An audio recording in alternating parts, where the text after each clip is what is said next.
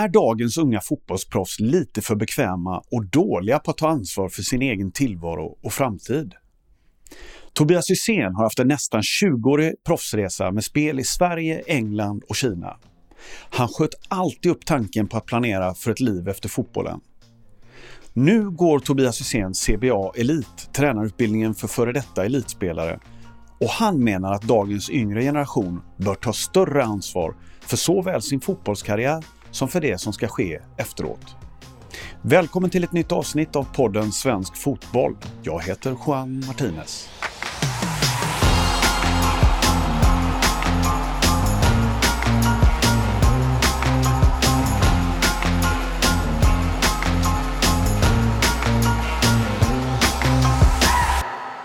Då hälsar vi Tobias Hysén välkommen till eh, podden Svensk Fotboll. Välkommen Tobias! Tack så du ha!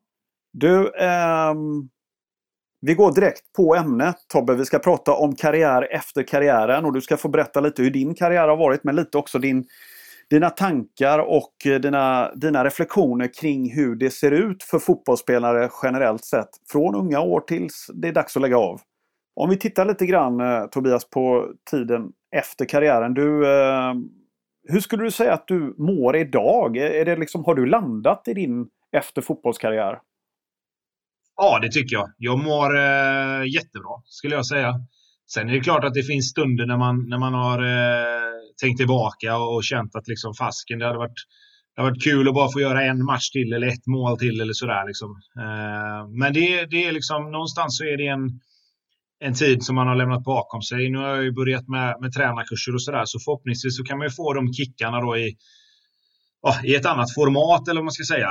Eh, men jag har eh, haft två år nu nästan där jag känner att jag verkligen har kunnat, om man säger leva, leva normalt kan man inte säga, för det gjorde man väl innan också, men, men lite grann göra, göra det som man själv vill. Och, eh, både på gott och ont. Liksom. Man är ju väldigt man är väldigt styrd av den här strukturen du har haft i alla år. Att du har ju alltid vetat att den här tiden ska du vara där och den här tiden äter du frukost och här är det träning och sen är det lunch. Och, så att det blir ju väldigt inrutat och det har alltid varit någon annan som har bestämt eh, var du ska befinna dig och, och, när du ska göra vad. Liksom.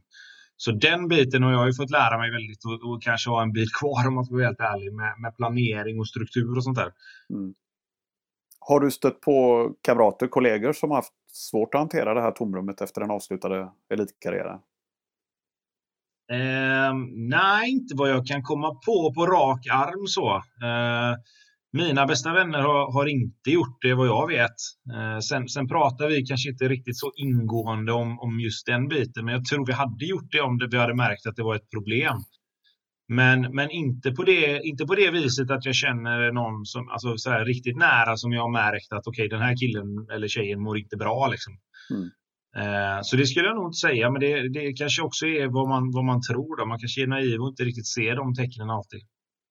Men finns det de som kanske ändå bara driver omkring och saknar identitet utanför fotbollen efter karriären som, som inte har hittat någonting? Jo, men det tror jag säkert att det finns. Eh, det har man väl sett många exempel på genom åren att, att det har gått illa för folk som, som eh, någonstans har varit en viss om man har varit en viss offentlig person och, och, haft ett, ett sammanhang och en mening med just den ja, om man ska säga, karaktären som, som han eller hon har varit. Och sen när det rampljuset släcks så, så, så blir det väldigt eh, osäkert och, och, väldigt liksom så här att man inte riktigt vet vem, vem är jag nu när inte jag är idrottspersonen längre. Det behöver man inte bara gå till fotbollen. Det finns ju exempel utanför fotbollen. Liksom. Eh, men jag kan, inte, jag kan inte komma ihåg eller, eller peka på att, jag, att någon av mina vänner eller nära vänner har gjort det. Däremot så har man ju sett, däremot har man ju sett folk som man vet vilka det är liksom, som har hamnat snett. Och sen om det är på grund av att de inte spelar fotboll eller inte spelar hockey längre, det, det vet man ju inte. Men, men men någonting har ju hänt som har gjort att, att, att deras liv har hamnat lite på, och, alltså på fel väg. Eller man säger. Mm. Vad, vad ville du bli som liten? Fanns det några alternativ till att bli fotbollsspelare? Eh, ja, alltså fotbollen har väl alltid varit nummer ett så. Eh, men sen är det klart att när man, när man är riktigt liten så finns det ju inget annat än att bli fotbollsproffs och, och spela i Blåvitt och spela i landslaget och allt sånt där. Men sen ju äldre du blir och du förstår att det är ett ganska ordentligt nålsöga du ska igenom så, så börjar man väl att liksom lite grann tänka på andra saker. Jag hade gympalärare och brandman med mig som jag hade som backup-plan eller vad man ska säga.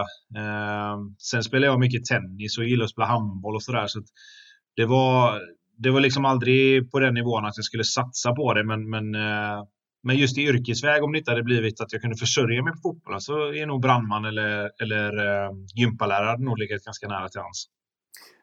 När börjar man tänka på en karriär efter karriären? När börjar du själv fundera på den biten? Jag har alltid försökt att skjuta det framför mig så länge jag kan. Eh, för jag tror att börjar du fundera på vad du ska göra efter karriären för tidigt så, så börjar du nog mentalt lite grann lägga av omedvetet. Eh, du tar inte de där extra träningarna som, som du kanske gör om du vet att du ska hålla på. Du kanske inte bryr dig sådär extra om, om och hoppar över den där festen eller du kanske inte hoppar över det där kalaset eller någonting som, som du hade gjort om du vet att du ska spela i några år till. Liksom.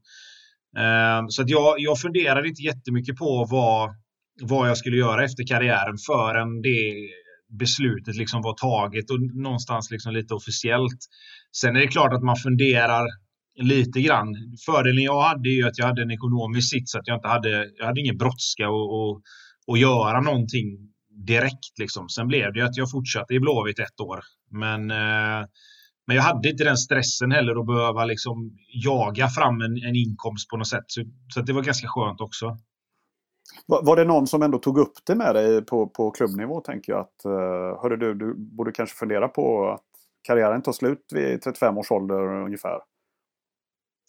Nej, alltså det där är ju väldigt individuellt. Jag tror att eh, den, den hjälpen hade nog säkert gått att få, men jag kände inte att jag behövde det. Jag, jag var ganska, alltså jag var ju ganska självsäker och, och, och liksom, eller självsäker är väl kanske fel ord, men jag var ganska säker på att jag skulle klara av att ta det steget. Jag menar, jag hade mina bästa vänner har, har, tagit det steget innan och jag pratar rätt mycket med dem.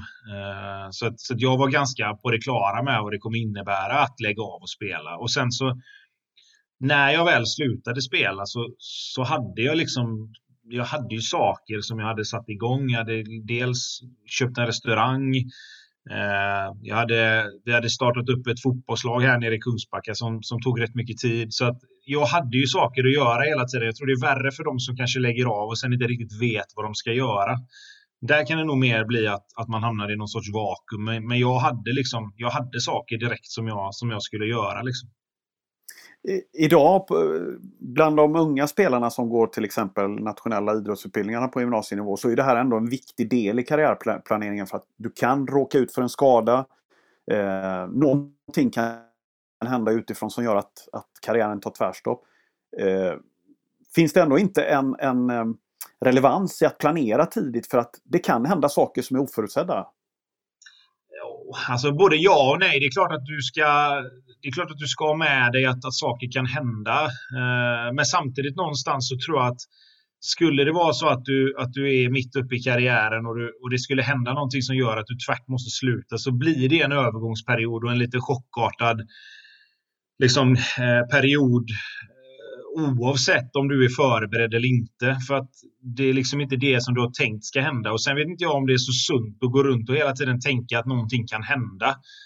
Eh, däremot så kan jag tycka att många av de här unga spelarna som, som blir om man säger heltidsproffs väldigt tidigt som, som inte gör någonting annat än att bara åker och tränar och sen åker hem och sätter sig och spelar tv-spel eller kanske åker hem och, och liksom, eh, sätter sig och kollar på Netflix eller vad som helst. I, i, den, i det skedet av, av karriären så tycker jag att man kan tänka lite grann på att kanske då ja, men se till att gå färdigt gymnasiet för de som kanske inte har gjort det eller på något sätt ha någon sorts liten utbildning. Men samtidigt förstår jag, jag var inte heller intresserad av att var inte heller intresserad av att gå i skolan när jag märkte att jag, att jag kunde liksom livnära mig fotbollen. Jag försökte med universitetet en, halv, en termin, en, ett år, men det, motivationen fanns där liksom inte.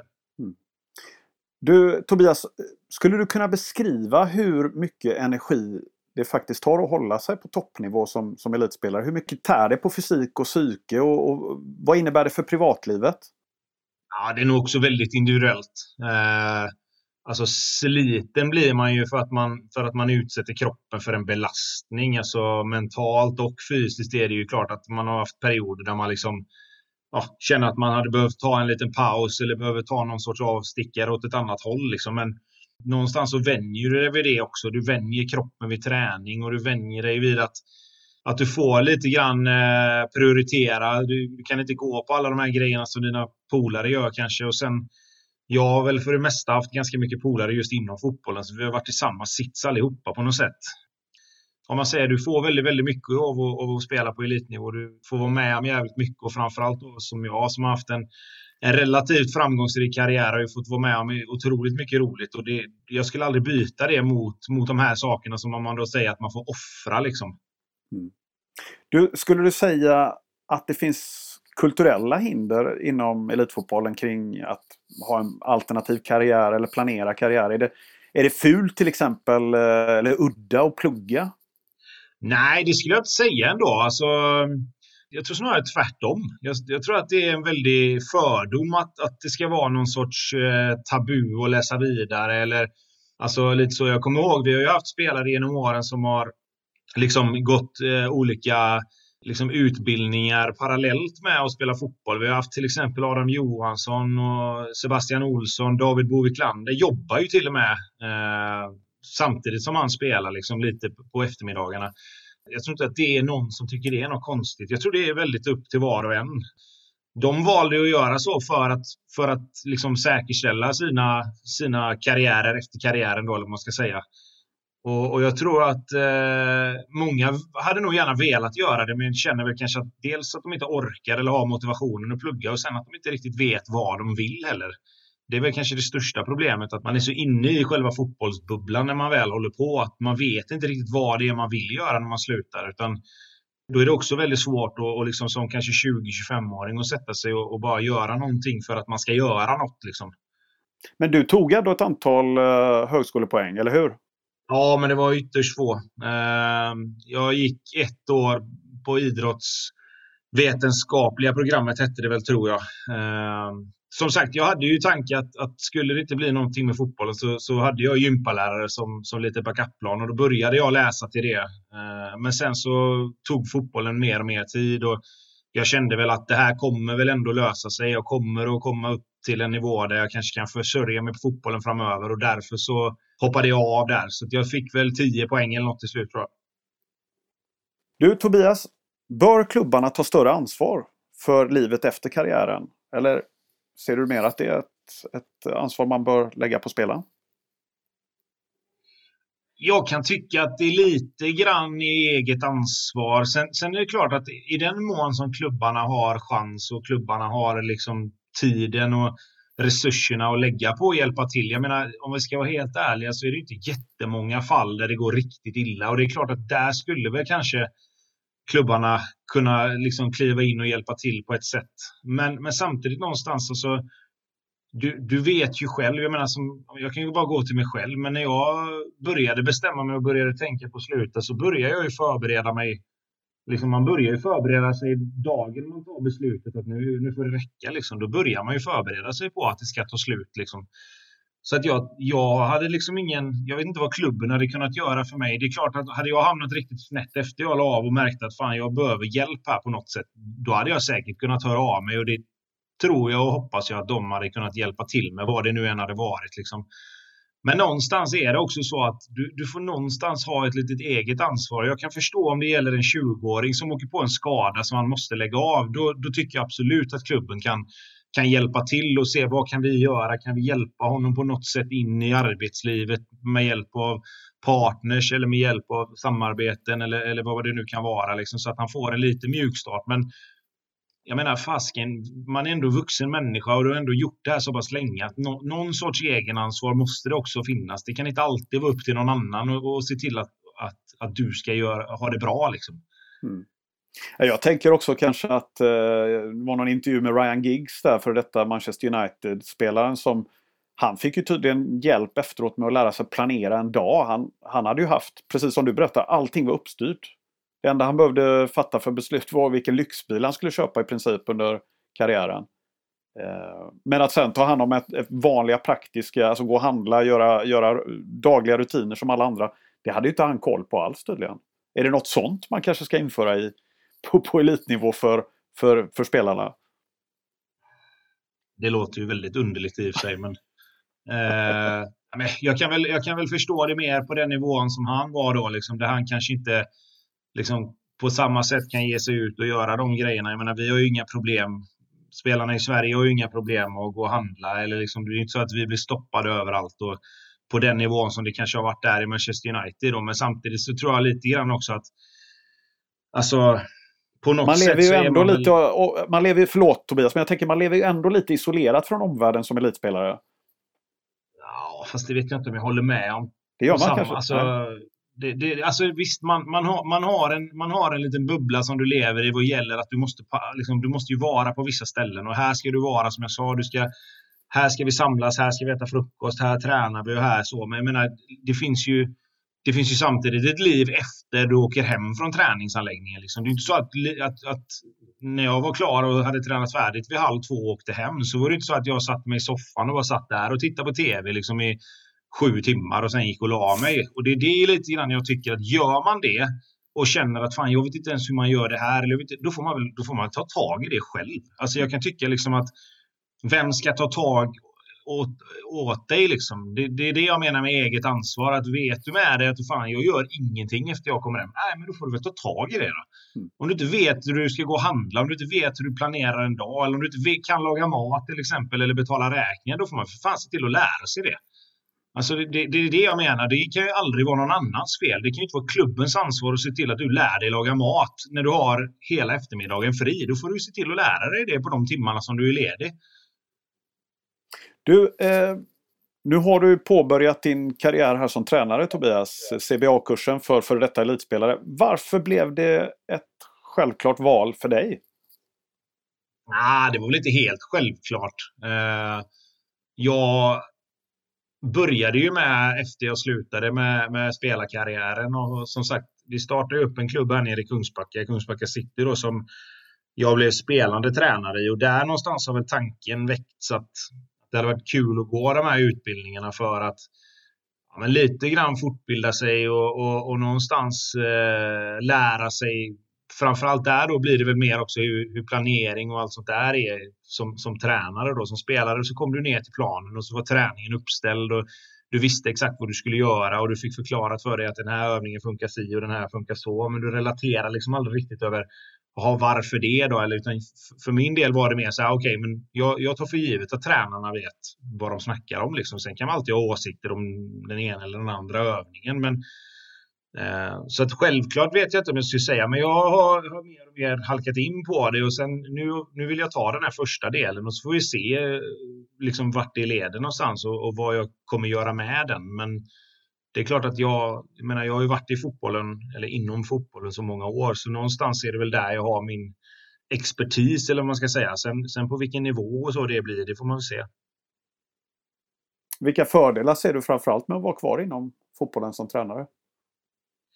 Ja, men som jag sa, eh, förhoppningsvis så är ju tränarkurserna det man behöver ta liksom för att lära sig allt, allt som en tränare behöver veta och kunna och sådär. Men sen är det ju där man har sin expertis i och med att då är ändå någonstans 20 års erfarenhet av fotbollen på, på elitnivå. Så det är klart att förhoppningsvis har man väl snappat upp ett och annat under, under resans gång. Liksom. Ehm, men sen är det inte säkert att det alltid är det bästa heller. Men just nu så känns det som en spännande väg att gå. Jag menar det, det, nu, nu är mina barn så pass små att de, att de bor hemma. Va? Men sen när, när alla de flyger ut och flyttar hemifrån så är det klart att då, då är det jag och frugan kvar. Och då har du liksom inte det där att du måste styra och ställa hemma längre. Då har du kanske lite mer tid och då måste man göra någonting med den tiden. Och eftersom jag antagligen inte kommer börja spela golf så är, ju, så är tränaryrket någonting som jag har funderat på.